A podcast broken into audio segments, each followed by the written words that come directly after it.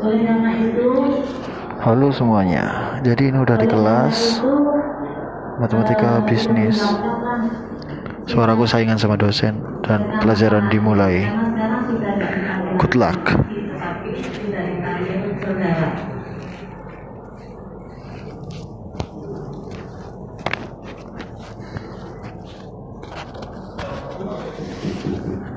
Jadi di SMA lagi ya. Kalau ada pengumuman bukan dosen yang mengumumkan besok gitu tidak, tapi saudara harus aktif melihat di papan pengumuman. Misalnya ada perubahan jadwal atau apa itu coba dilihat di papan pengumuman. Jadi itu makanya sekarang sudah di eh, kalau mandiri itu tidak anak-anak lagi ya kalian sudah menjadi mahasiswa mahal jadi lebih ya. Jadi sekarang hilangkanlah sifat kekanak-kanakannya yang seperti dulu waktu di SMA suka ngobrol kalau waktu pelajaran itu hilangkan semua. Cobalah sekarang ikuti kuliah dengan konsentrasi dengan serius ya. Karena sekarang ini pesaingnya banyak saudara semua harus profesional. Jangan hanya mencari nilai. Sekarang bisa nilainya bagus misalnya. Tapi kalau di luar nanti cari kerja kalau nggak profesional tuh kalah dengan yang lain. Oleh karena itu coba ikuti dengan baik. Saudara harus belajar untuk profesional. Harus bisa jangan hanya mencari aksen dan ilmu apa untuk mencari nilai ya. Jadi sekali lagi saya minta saudara dalam mengikuti kuliah yang konsentrasi dan serius. Kemudian untuk ini sudah dibentuk ketua kelas? Belum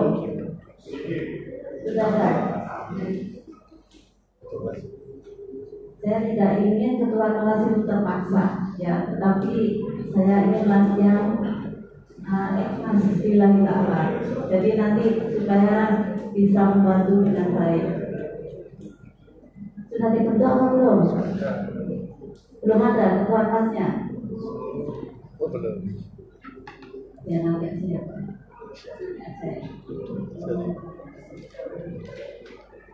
Baiklah untuk kuliah ya saya minta saudara bisa datang tepat waktu. Kita uh, harus ada kesepakatan untuk toleransi telat berapa menit? 15 menit ya. Ya Pak disaksikan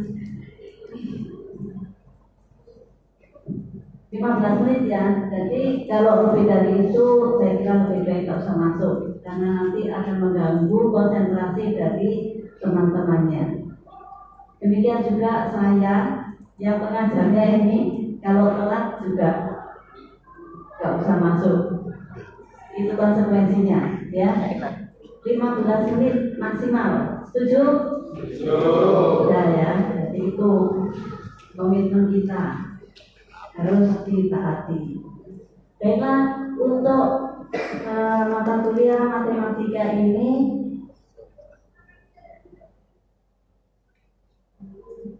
yang memberikan materi saya sama Pak Fian, ya. Uh, untuk ini sebelum UTS ya.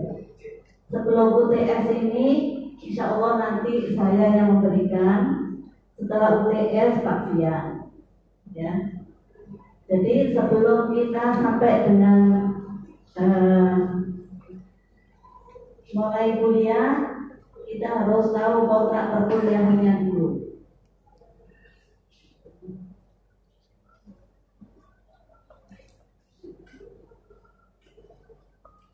Jadi ini mata kuliahnya matematika ekonomi.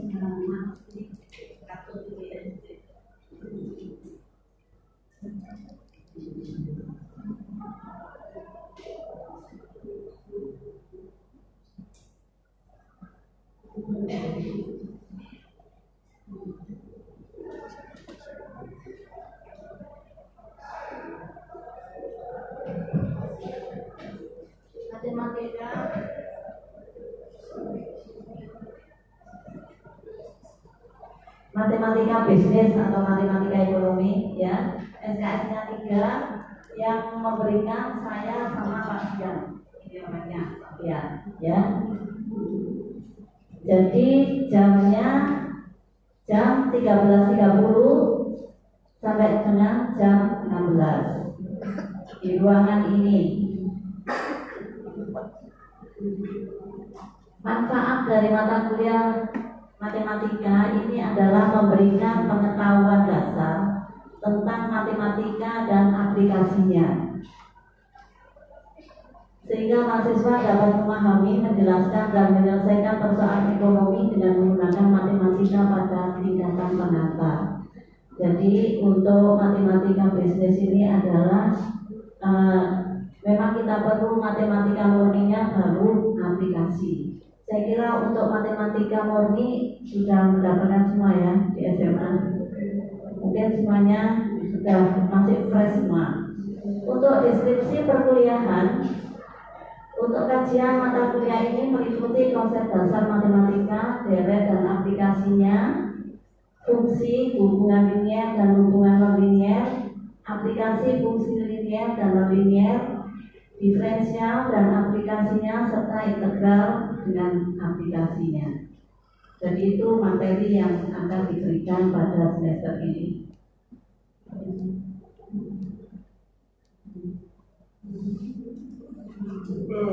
Tujuan instruksional, saya kira ini tidak usah ya.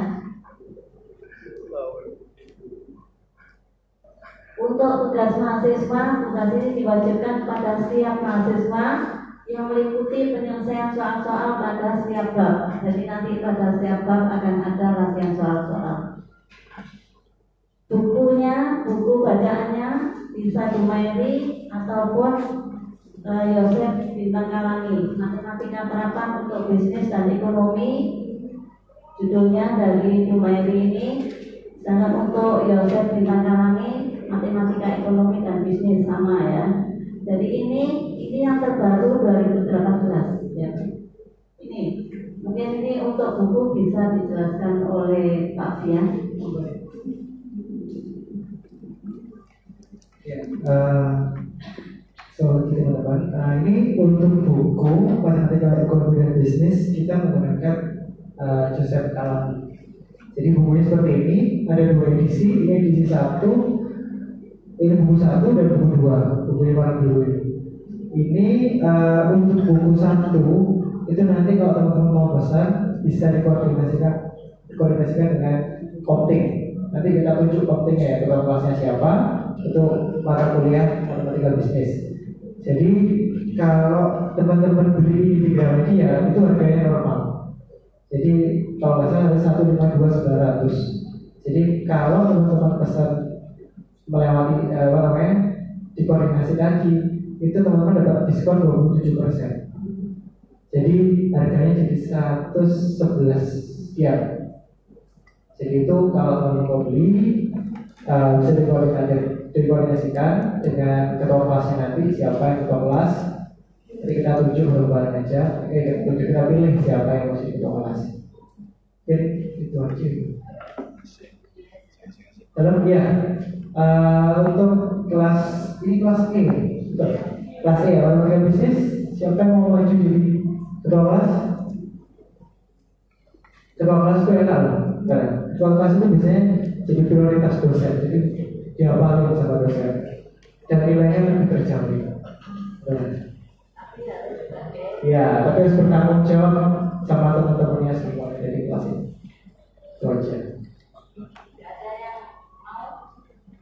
Ada yang mau? Ya. Kita ada bersedia? Sebetulnya ini kesempatan baik ya. Karena apa?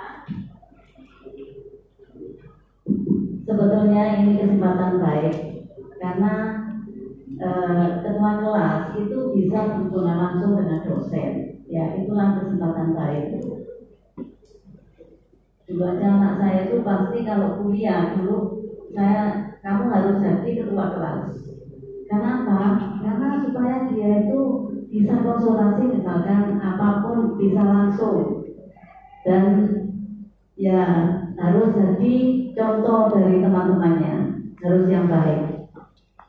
Saya minta dengan sukarela dan ikhlas saya tidak ingin terpaksa. Karena segala sesuatu kalau terpaksa itu hasilnya tidak maksimal.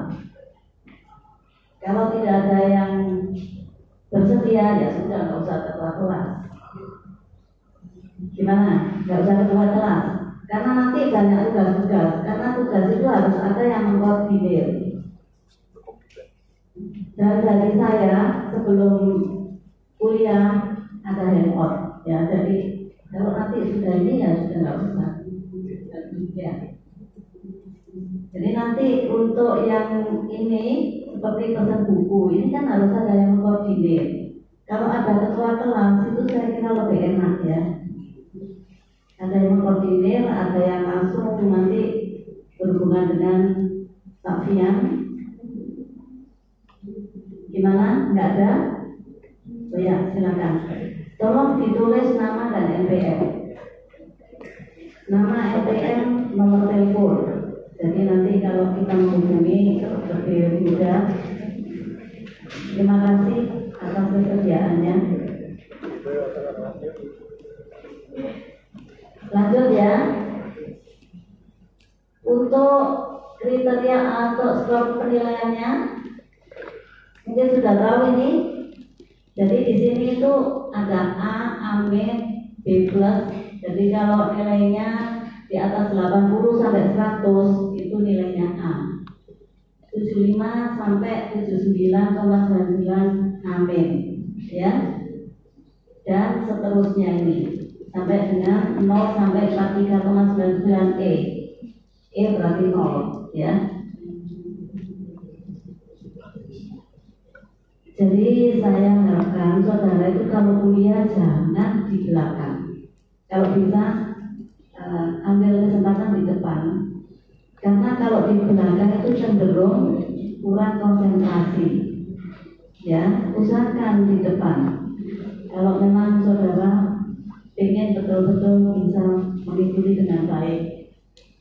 Jadi untuk nilai ini ya minimal minimal B ya minimal B kalau usahakan minimal B kenapa sekarang kalau cari kerja berapa IPK-nya minimal tiga, tiga setengah. Nah, makanya usahakan di atasnya B kalau bisa, ya.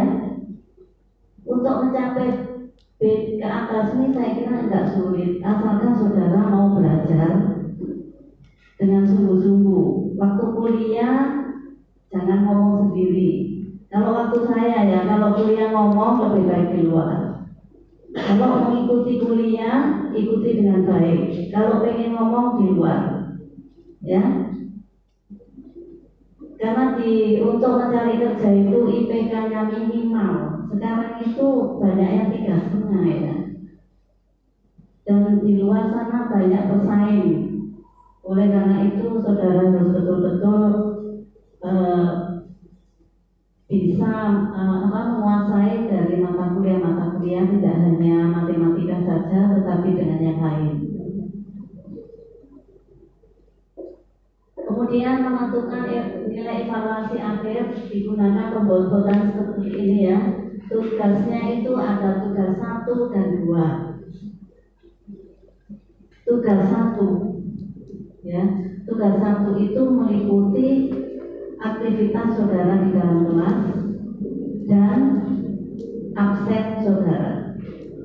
Keaktifan di dalam mengikuti kuliah.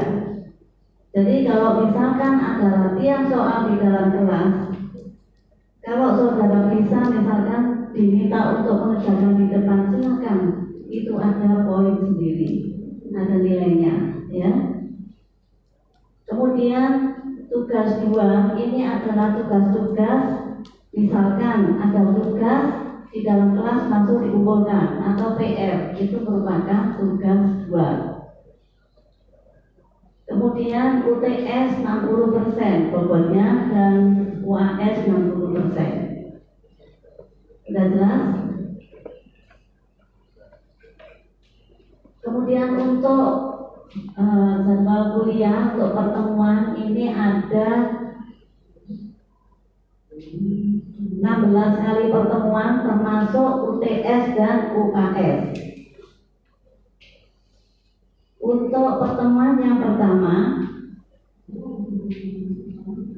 untuk pertemuan yang pertama, topik bahasanya adalah pendahuluan dan pengenalan konsep-konsep dasar matematika ya. Nanti. Kemudian untuk kedua, deret dan aplikasi. Yang ketiga, fungsi. Fungsi ini tentang pengertian dan unsur fungsi serta jenis-jenis fungsi. Yang keempat, hubungan linier. Yang kelima, fungsi permintaan dan penawaran. Ini baru aplikasi ya untuk fungsi. Kemudian fungsi biaya dan penerimaan. Pertemuan ketujuh kuis. Kuis ini kalau ada waktu kita kuis. Kalau misalkan ada yang kurang kita isi dengan materi. Ya. Kemudian pertemuan ke-8 kita langsung UTS.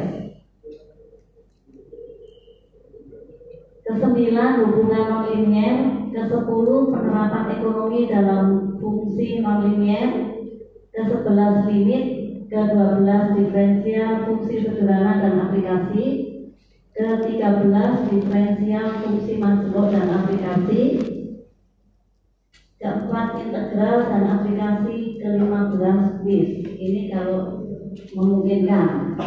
Kalau misalkan ada materi yang belum yang perlu diselesaikan di sini kita akan memateri lagi. Baru ke-16 ujian akhir semester. Mungkin ada pertanyaan untuk kontrak?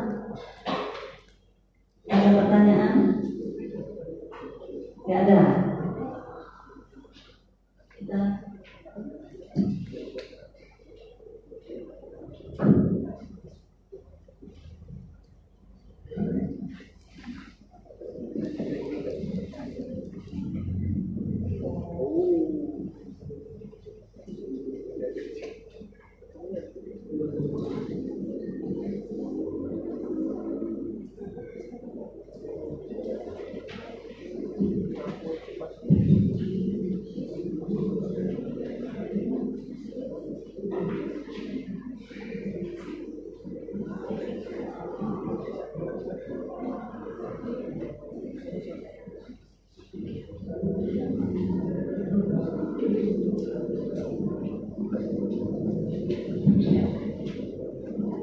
untuk pendahuluan ini saya kira hanya untuk mereview aja ya, saya untuk mengingat kembali.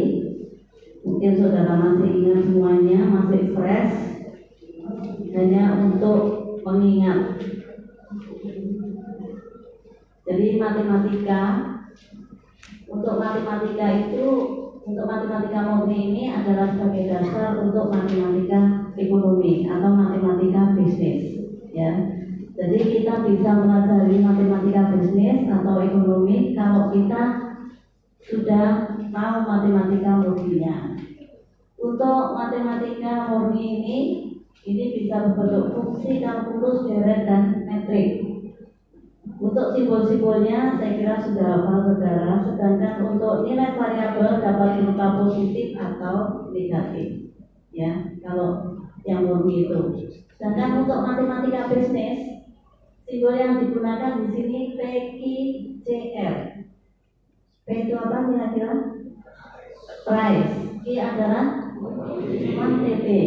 C cost dan R R revenue.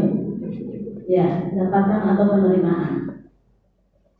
Matematika ekonomi dan bisnis tidak mengenal nilai variabel yang negatif. Tetapi secara geometri nilai variabel ekonomi dan bisnis ini hanya berlaku pada kuartal yang pertama ya. Jadi untuk gambarnya kuartal yang pertama. Nah, di sini untuk teori ekonomi, matematika ekonomi, ekonometrika dan statistik ekonomi. Mungkin ini saudara biar tahu perbedaannya antara uh, teori ekonomi, matematika ekonomi, ekonomi trika, statistik ekonomi. Ya.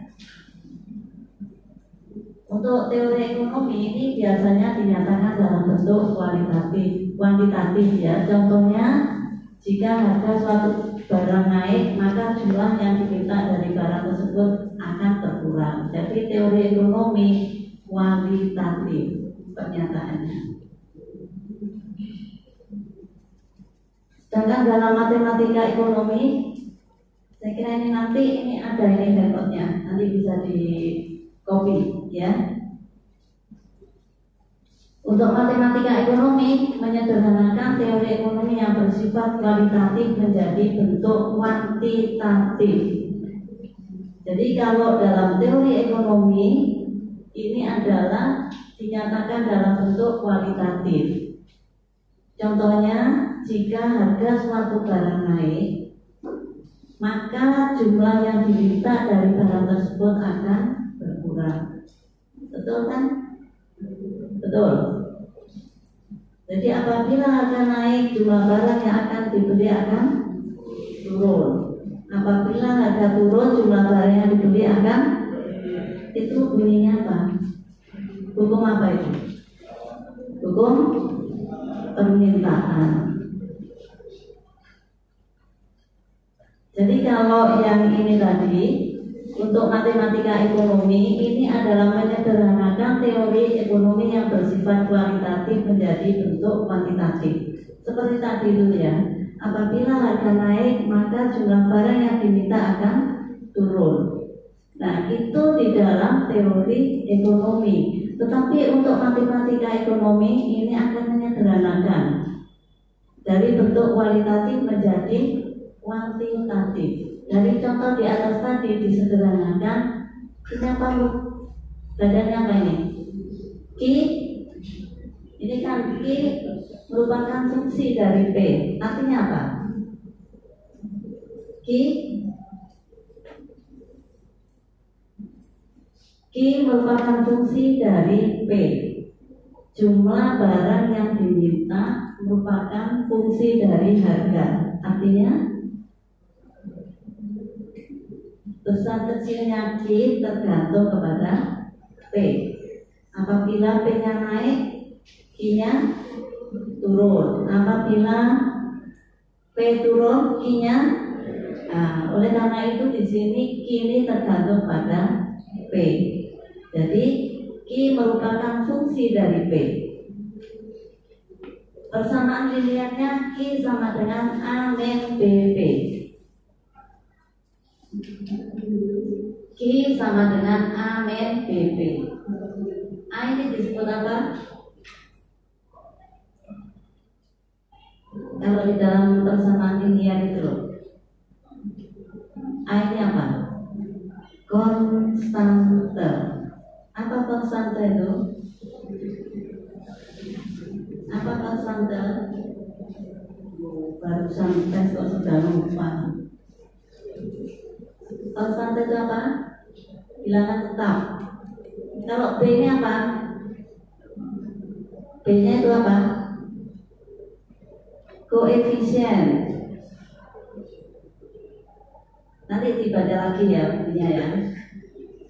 Jika di dalam teori ekonomi menyatakan hubungan negatif atau terbalik antara kedua variabel tersebut, maka dalam bentuk matematis dinyatakan parameter B yang bernilai negatif. Jadi di sini bukan P-nya yang negatif tetapi B-nya. Harga kan nggak mungkin negatif. Ya, oleh karena itu yang negatif adalah koefisiennya ini. Sedangkan untuk ekonometrika menaksir atau estimate besaran nilai A dan B yang disebut dalam persamaan di atas. Jadi di, ini adalah untuk mencari A dan B.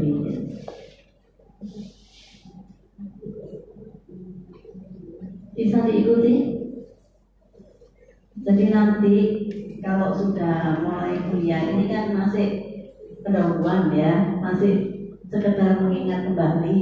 Ini masih konsep-konsepnya. Di dalam kuliah nanti, kalau kurang jelas tanya, jangan sampai gak ngertinya numpuk-numpuk ya.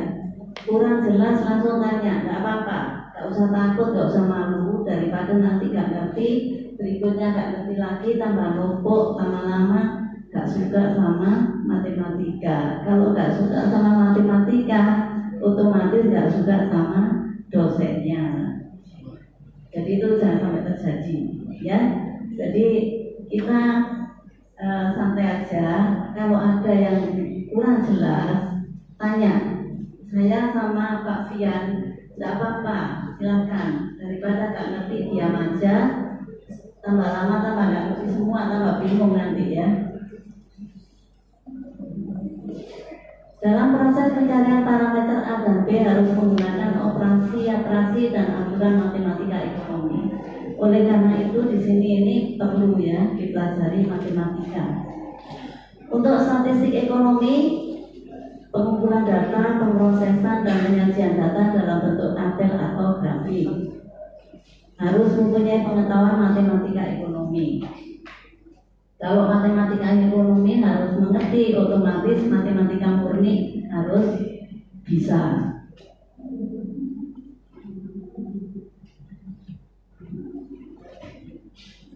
Kemudian untuk model ekonomi,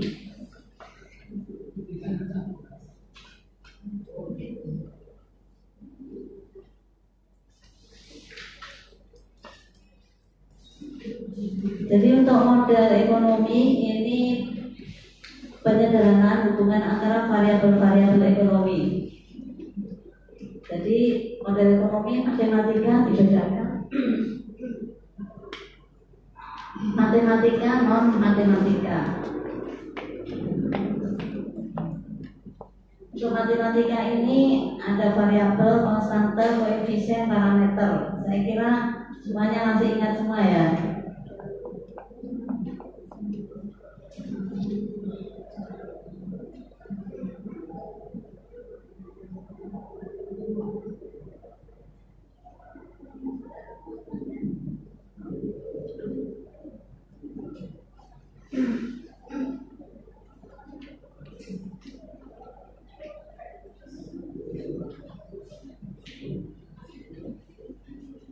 Untuk variabel itu adalah suatu yang nilainya dapat berubah-ubah dalam suatu masalah tertentu. Matematika murni menggunakan huruf alfabet. Apa saja alfabet itu? X, Y, ya. Kalau biasanya dipakai di sini, yang dipakai di matematika murni Kemudian matematika ekonomi menggunakan PICRI. Konstante suatu bilangan nyata tunggal yang nilainya tidak berubah-ubah dalam suatu masalah tertentu.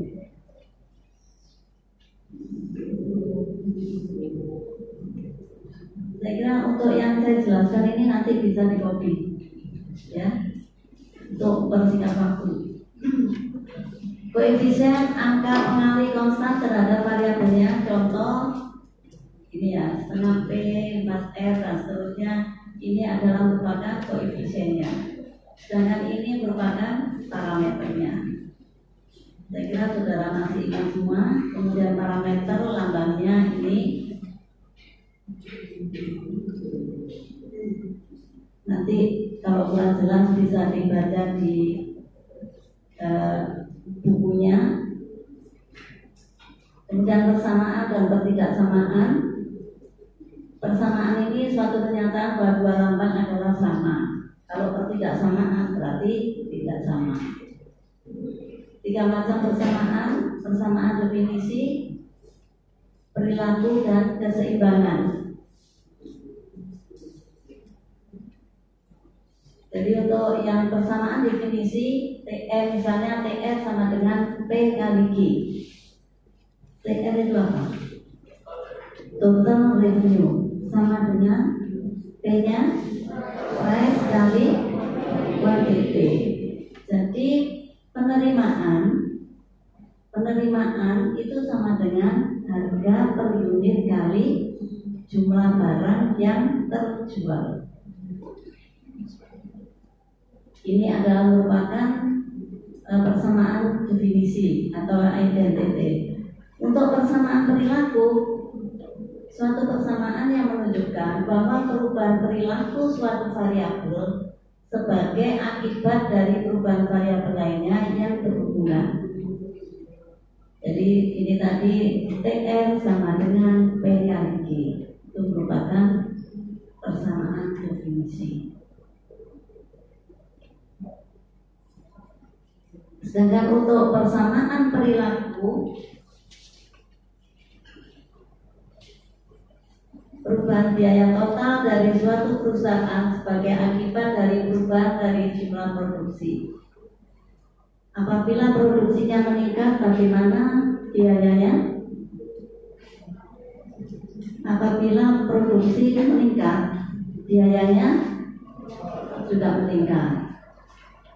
Misalnya TC sama dengan 100 plus 25 Q. Ini merupakan perubahan konstan karena di sini sudah ya ada 25 Q. Sedangkan TC sama dengan 150 per Q progresif ya. Kemudian untuk kondisi keseimbangan, contohnya ID sama dengan QS. ID itu apa?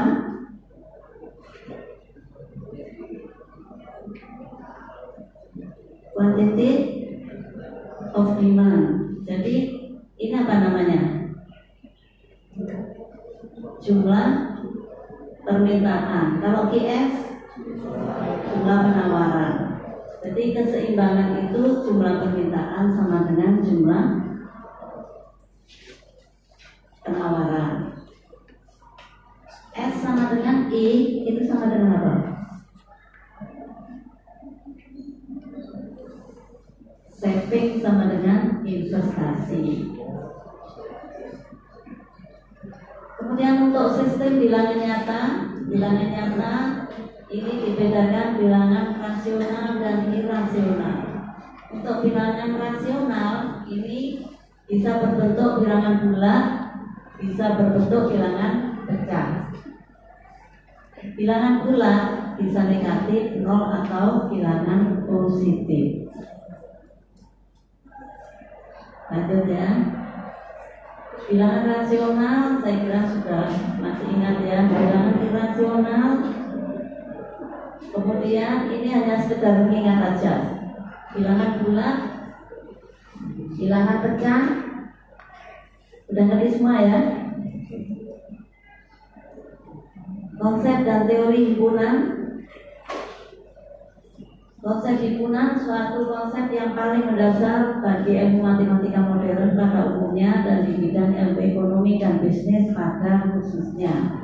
Penggunaan konsep himpunan akan sering digunakan dalam analisis matematika.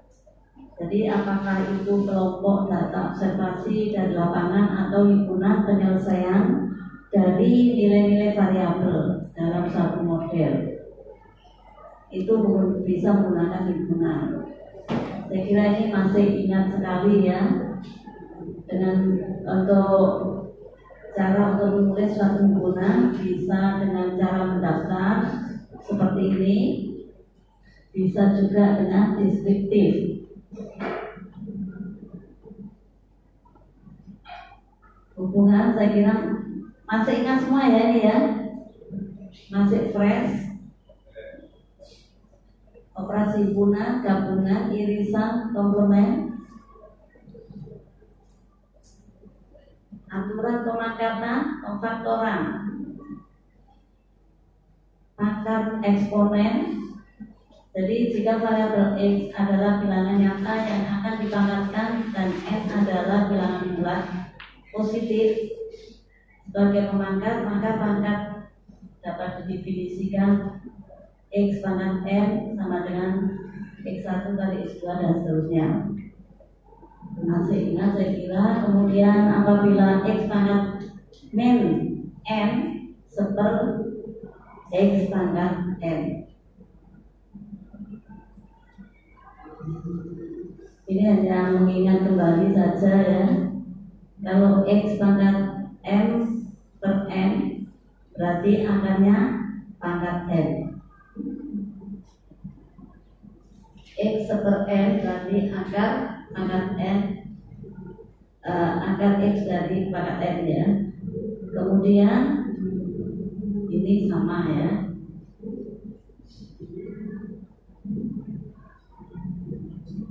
Sedangkan untuk aturan pangkat dan akar di sini ada x pangkat m kali x pangkat n sama dengan x m plus m. Ini saya kira masih ingat semua? Lanjut ya, kalau masih ingat. Jadi ini aturan-aturan ini saya kira saudara masih fresh semuanya. Semoga begitu ya.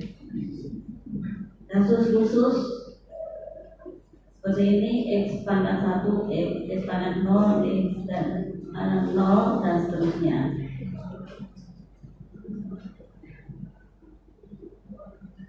Untuk pemfaktoran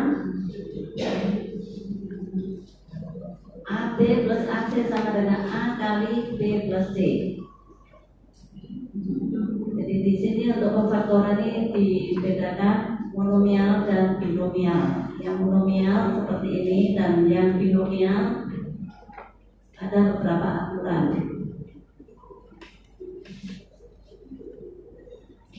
Saya kira masih fresh semua ya. Jadi untuk pendahuluan ini hanya mengingat kembali perkalian istimewa. Saya kira ini juga masih sangat sangat fresh ya. Mungkin Pak Fian mau menambahkan? Jadi nanti Ya, saya kira itu untuk pertama pertemuan kita sebagai pendahuluan hanya mengingatkan kembali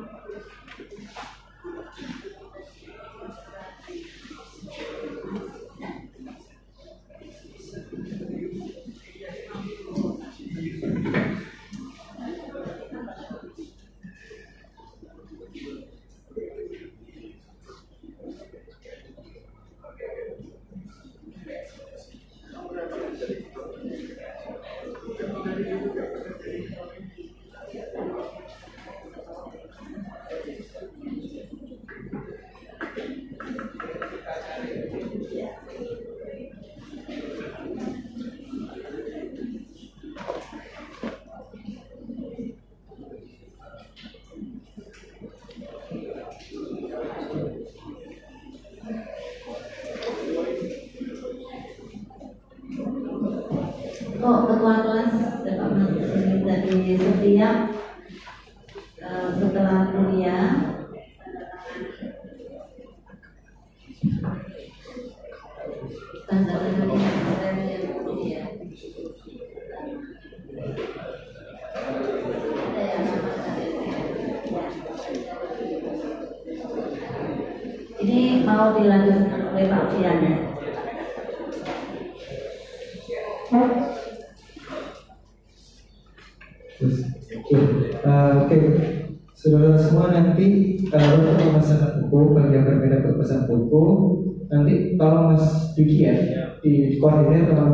pesan.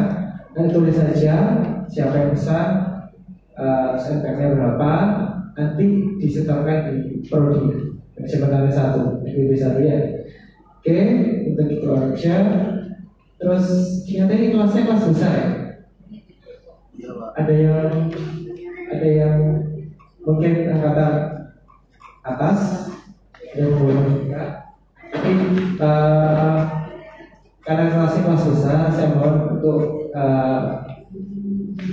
dikondisikan dengan baik. Artinya kita kelasnya besar, dosennya cuma satu, jadi dimohon dibikin iklim perkuliahan yang lebih kondusif lagi.